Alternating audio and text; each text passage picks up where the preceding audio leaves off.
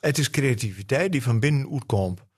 Uh, vanuit het hart eigenlijk, niet vanuit de kop, maar vanuit het hart. En uh, dat, dat is iets, dat moet blijven stroom. Dus, en welke kant erop giet. Dus net als de Drentse, oh, het kronkelt alle kanten. Mooi. Dit is een podcast van RTV Drenthe en het Huis van de Tol. Renate Snoeing praat met bekende Drenten over de rol die de Drijnse Tol in hun leven speelt. Vandaag praat ze met zanger Egbert Meijers. Welkom Egbert. Dank je. Mooi dat je er bent. Ja, nou, ik vind, uh, ik vind het fijn om hier te mogen wezen. Ja. Ik ben blij met de uitnodiging. Nou, hartstikke goed. Uh, zanger, liedjeschrijver, organisator, ontwerper, landart, kunstenaar, producent. Streektalfunctionaris West bij, bij de vuurloop van het Huis van de Taal. Je hebt nog bij RTV Drenthe um, werkt. En je hebt pas alleen een punt zet achter avondvullende optredens. Waarom Ja. is dat? Waarom? Nou ja, ik heb er al eh, langer over nagedacht. En het heeft al eh, zo'n beetje twee jaar geduurd. Want eh, de corona is er alweer uitgesteld. Ja, Maar ehm, ja, je komt zo zachtjes aan op een leeftijd dat je denkt van nou, wat, wat wil ik allemaal nog? En is dit nou allemaal, hoort dit nog bij mij? Is het, geeft het mij voldoening? Wat er zelf goed? En ehm, ja, dan, dan, eh, dan merk je op een gegeven moment toch dat, dat de motivatie om weer op pad te gaan eh, wat, wat eh, moeilijker komt ja. als dat het vroeger was. weet je wel. Oké. En er komt bij dat ik gewoon eh, een, een fysiek probleem heb met mijn linkerpols. Ik heb een, een, nou ja, een, een ongeluk gehad met mijn linkerpols, waardoor ik heel moeilijk gitaar spelen kan.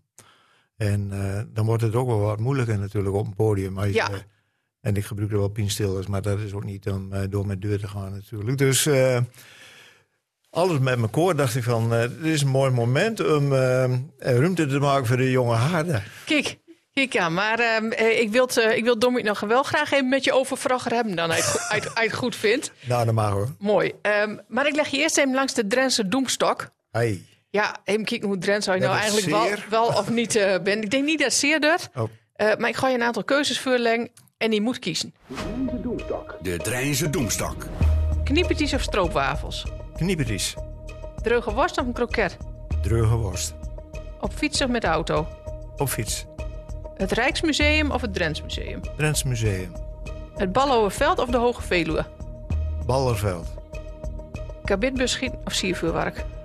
Eh, nou, ja, kabitbus. FCM of Ajax? Ai. Ik ben al vanaf de jaren 60 fan van Ajax. En, eh, maar ik heb mijn... eh, ik heb toch wel een zwak voor FCM. Ja, Nou ja, je moet over kiezen. hem. Ja? Over hem, ja. Eh, Daniel Loos of Harry Musquet? Ah, dat is een onmogelijke keus. Daar kan ik niet best. door kiezen. Harry, eh, nee, Harry was een, eh, een, een lieve kameraad. En ik waardeer zijn muziek eh, vanaf de jaren 60 dat ik hem eh leren ken. En Daniel heb ik natuurlijk in 14 leren kennen. En die waardeer ik ook heel hoog. Ik kan er geen onderscheid tussen. Nou, dan, wil ik dan, gewoon niet doen. dan laten, we, laten we dat staan. Veendrent of Zaandrent? Zaandrent. We zijn toch weer wat wiezer eh geworden, Egbert. Eh ik twijfel ook nogal bij kabitbus schieten of siervuurwerk voor mij. Ja, nou kijk, eh, allebei het uh, gepoord met een hoop lawaai en, en allerlei andere dingen die je tegenwoordig eigenlijk niet meer kunt.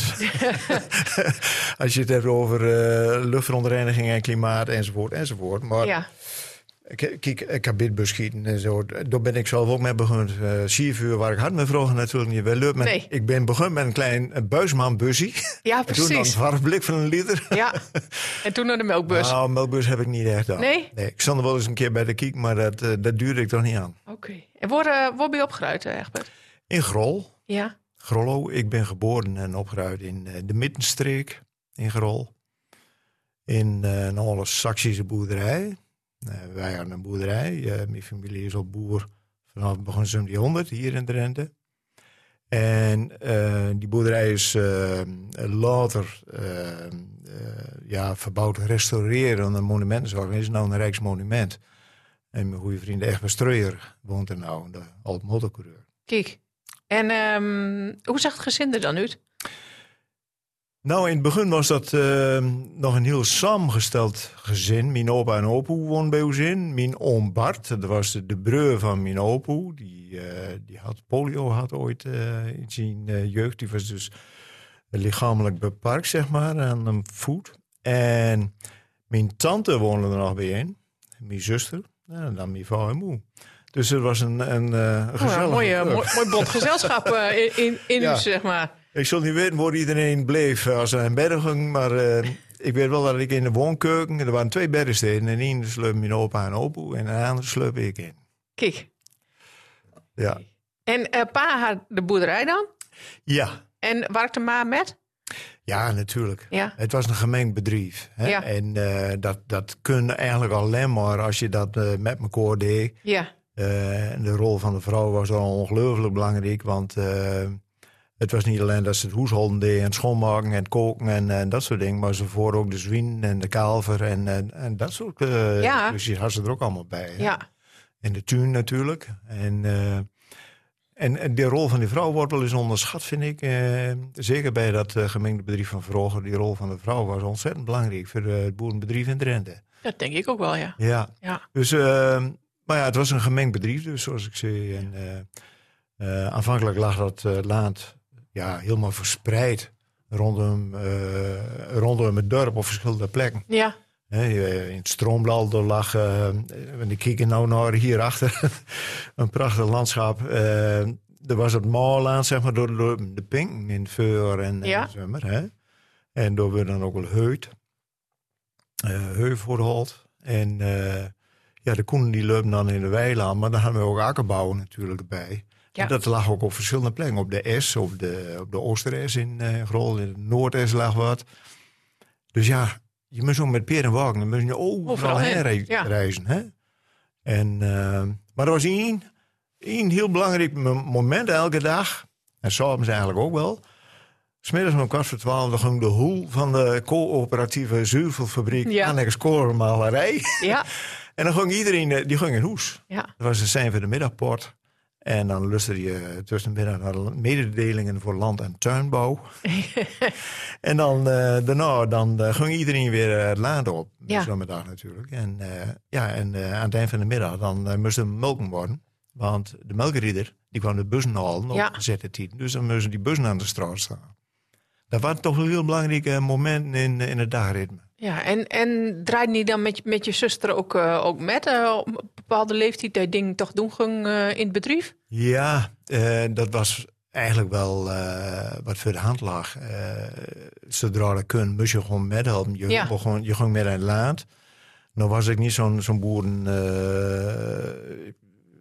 zoon die, die, die ze helemaal in, het, in de boerderij verleur, zeg maar. Maar ik, uh, ik, ik hulp wel met, met uh, zo'n vijf uur onder de koen zitten, uh, bijvoorbeeld voor ik in school gaan. Ja. en heuten en bieten ook inzetten, schoevelen en zo en dat soort dingen. Ja. Lichtere werkjes, daar kun je deed als kind. En dan bij winterdaagse koen op stal dan moest ik water pompen. we hadden nog geen stroomd water, het was gewoon een waterpomp met een waterput boeten ja. om het hoekje van de boerderij. En dan moest ik die buizen aansluiten. En die ging dan zo naar de veurgoot, geut, de veurgeut van de koen. En uh, er moest dan s'avonds water in pompt worden. Nou, ja. stond je een half uur stond je de pomp. Je rechterarm tot die muur was. Ja, en naar de links, ja. ja. En dan, uh, als het klaar was, dan, uh, dan moesten die piepen weer op het bundy. En er wordt Drents praat in huis, neem ik aan. Ja. Alleen maar? Ja. Ja? Ja. En Nederlands op school leert? Ja.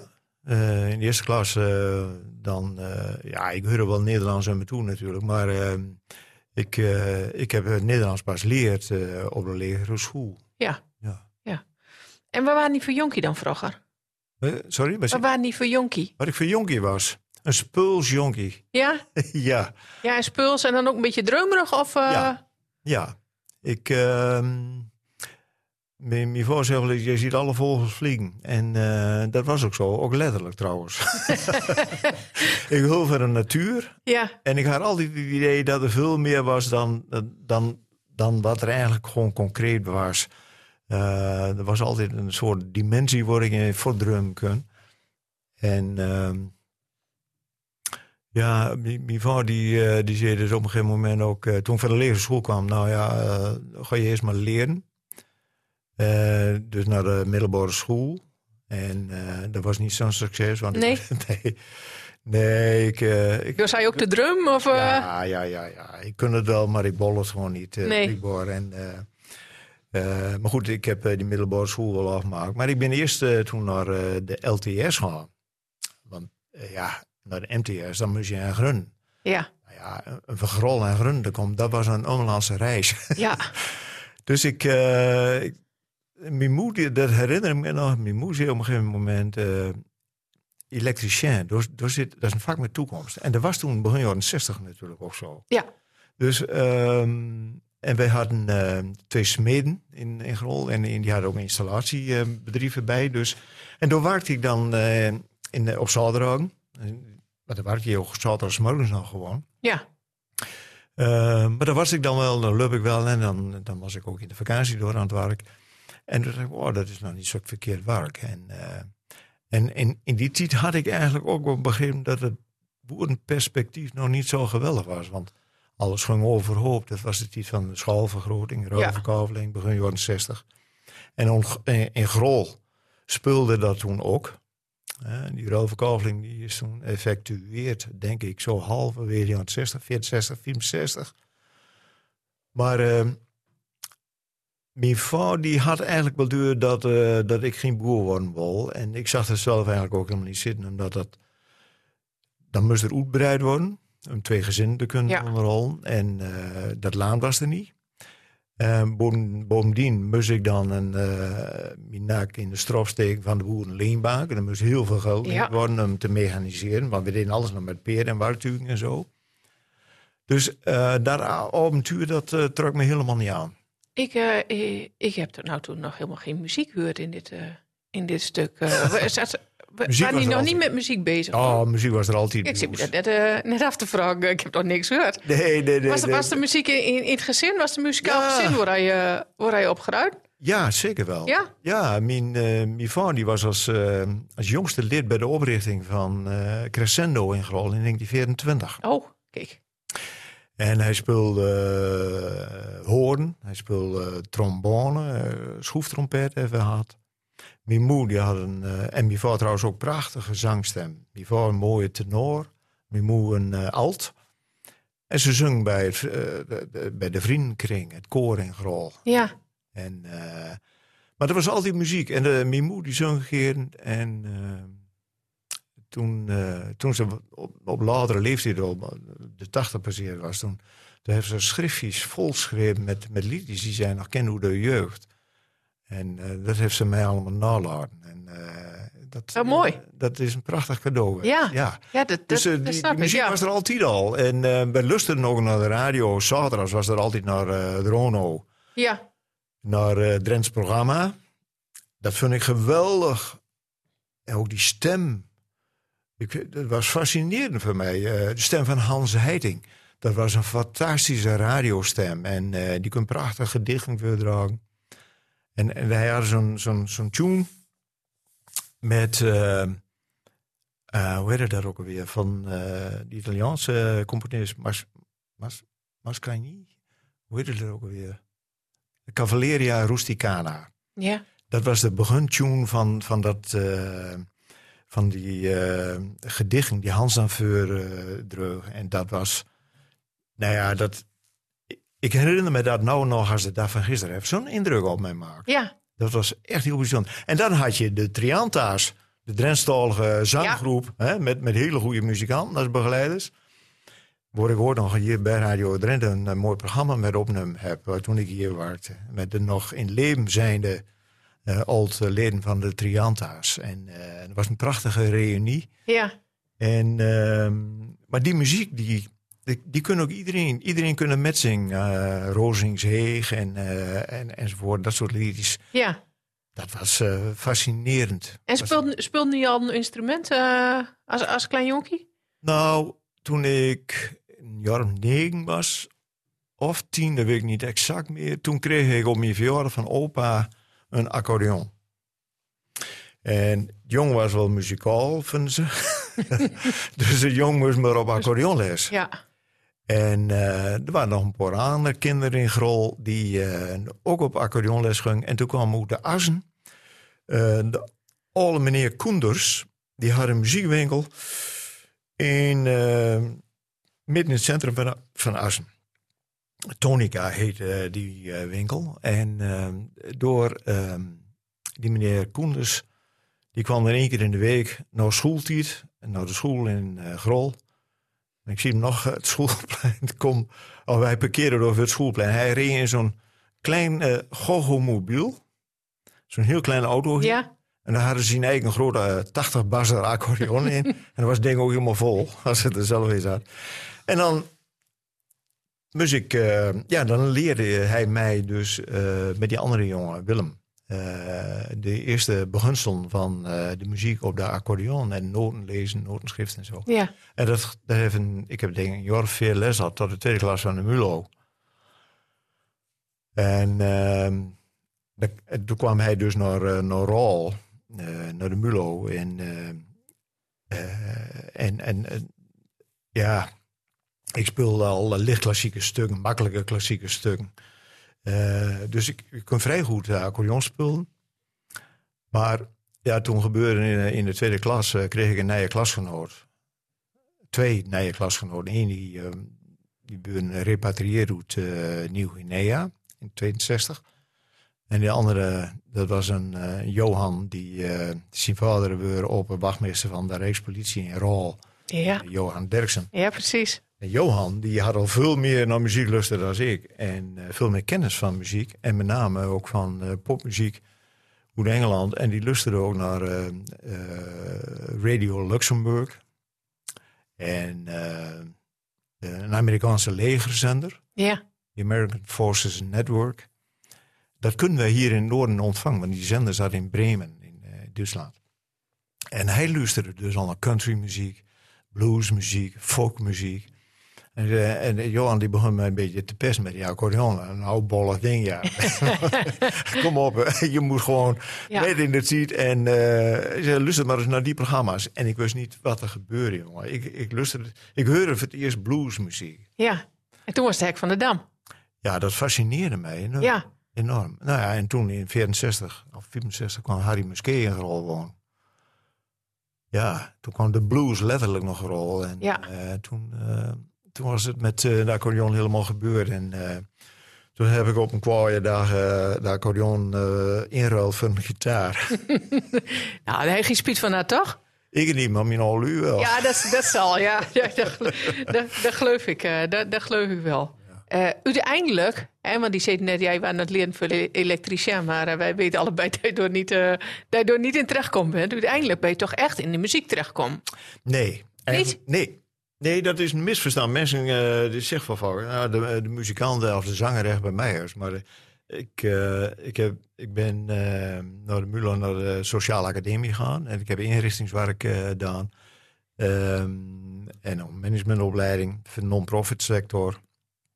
En ik heb dus een jaar of 15, 16, zoiets in de, de gezondheidszorg gewerkt. Als hoofdarbeidstherapie en ehm, eh, sociaal-culturele programma's dan in een eh, dagopvang in eh Grun.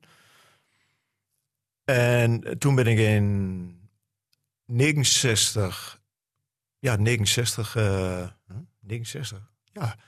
Nee, 89. Was ik, ik ben helemaal war. 89. eh, toen ben ik streektolfunctionaris eh, geworden. Toen ben ik gevraagd om eh, de Albert Haar op te volgen, die uh, voortging. eh, Drenthe Tal. Ja, Ja. bij uh, Drentse Tol. En, toen, eh, en dat heb ik 13 jaar gedaan. En toen ben ik eh, hier bij Radio TV Drenthe gaan werken als programmamaker en presentator. En om het vaak een beetje beter onder de knie te krijgen, een opleiding volgd in, of cursus gedaan in, in Hilversum Ja, aan de Media Academie. Onder leiding van Judith Bos en Ja. eh, Govert van Brakel, Ja. waar ik nog altijd goed contact mee heb. En eh, dat was een icoon voor mij. Geweldig veel van leerd. Ja, dus eh, dat heb ik dan tot, mijn, tot ik met de fut ging.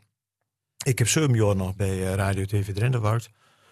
Eh, tot mijn zestigste. En toen bent een aantal mensen die zo rond de 60 waren, vraagd hem te vertrekken.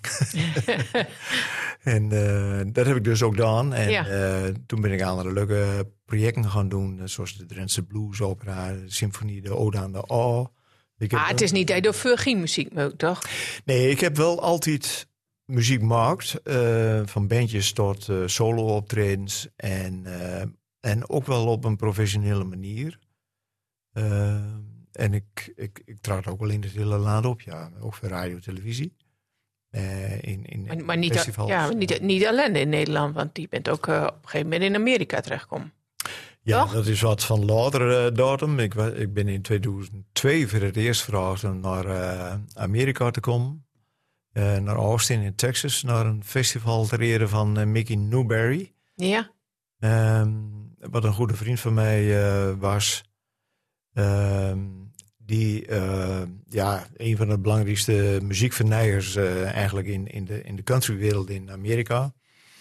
Daar raakte ik door internet eh, met bevriend. Ja. En, en tot op de dag van vandaag is die band met de familie nog altijd echt. Ik heb zelfs gisteren nog weer me- zit eh, te mailen met Machine Weduwe. Mickey is in 2002 in het najaar overleden. En ik heb er nog altijd spijt van dat ik toen niet op die uitnodiging gegaan ben. Maar uiteindelijk heb ik dat in 2004 gedaan. En eh, dat, dat, dat was een, een ongelooflijke eh, mooie ervaring. Waar ik eh, ook voor het eerst weer in Engelstalig liedjes schreef. ja, En ik heb door een. het, was, het was een warm bad waar ik in kwam. En dat was voor mij een ongelooflijk mooie ervaring. Omdat ik door eigenlijk in het walhalla van, van de muziek zat. Austin, Texas. Progressieve muziekstad destijds. En eh, ik, ik was in one of the guys, zoals eh, men dat dan zegt. ja. Weet je wel. Ze accepteerden mij en ze vonden mijn liedjes mooi. En ik werd gevraagd om elders op te treden in Amerika en, enzovoort enzovoort. Dus dat was een geweldige belevenis. Ja. Nou is er pas een boek uitkomen. Tussen Grollo en Austin. Dus dat Austin heeft wel echt, Ja, heeft wel echt indruk eh, gemaakt. Dat boek is een soort, ja, een soort biografie. Maar, maar er zijn 50 mensen die over je aan het woord komen eh, ja, in, in het boek. En die vertelt wat over, over 50 jaar echt met mij is volgens mij. Hè? ja precies. het idee was om 50 liedjes te kiezen. Omdat ik zo'n 50 jaar in het vak zat Ja. wat betreft de, de liedjes. En, eh, en dan door eh 50 mensen te, te, te vragen die ik heb leren kennen door de muziek. Ja, En, eh, en die dan een liedje uitzoeken hoe meer repertoire en door die zo verschreven. Hè? Wat, wat, wat vind je nou het mooiste liedje van Egbert of zo? ja, Nou Ja, ik had er aanvankelijk niet al te veel verwachting van. Ik denk, ja, we, zouden al je mensen met op. Maar het loopt zo geweldig. Dat doet mij op een gegeven moment zei, want de lies was veel langer. Ja, ik heb al 50, dus... eh, Ja. Maar en hoe is dat dan als mensen over je praten zonder dat je hè, door eigenlijk invloed op, op hebt? Want hè, ze mag zeggen wat ze wil, neem ik aan. ja, ja, natuurlijk. Je, kunt niet over de scholen van mensen met, eh, met kiek niet zo van... Nee, eh, nee dat, mag dat wel moet en je niet zeggen. niet. Nee, Vertel me niet over. Het heeft, mij, het heeft mij ongelooflijk verrast. De, de warmte en de verbinding met de mensen. Dat is. dat muziek dat voor elkaar kreeg. ja, Hè? Want zo zie ik dat. De, de, ik ben in contact kom met die mensen dankzij mijn liedjes. ja? En die liedjes binden eigenlijk de brug. En eh, die hebben op de mensen een bepaalde indruk achterlaten. En eh, eh, dat, dat is voor mij dan. Het was ongelooflijk mooi om dat terug te zien. wat, wat, wat die liedjes dan bij de mensen losmaakt. ja, want uiteindelijk is dat misschien ook wel hè, wat, wat hij met je muziek hoopt te Ja. bereiken. Ja, dat, ik- muziek heb ik altijd zien als een communicatiemiddel. Ja, Nooit, nooit als een eh, verdienmodel of zo. Dat hoeft ook niet, omdat ik altijd goed werk had Ja. en zo, weet je wel. Dus ik had makkelijk proten eh, ten opzichte van andere jongens die er hard verbuffeld en zo. ja. Maar ik heb het altijd wel heel serieus gedaan. En, eh, en dan is het prachtig om te zien wat het allemaal eh, aan reacties op. ja, dat snap ik wel. En dan je ook nog een nieuwe cd uitgebracht. Ja, O Grollo. Hè. Met, met, met 14 Drentstalige liedjes. ja.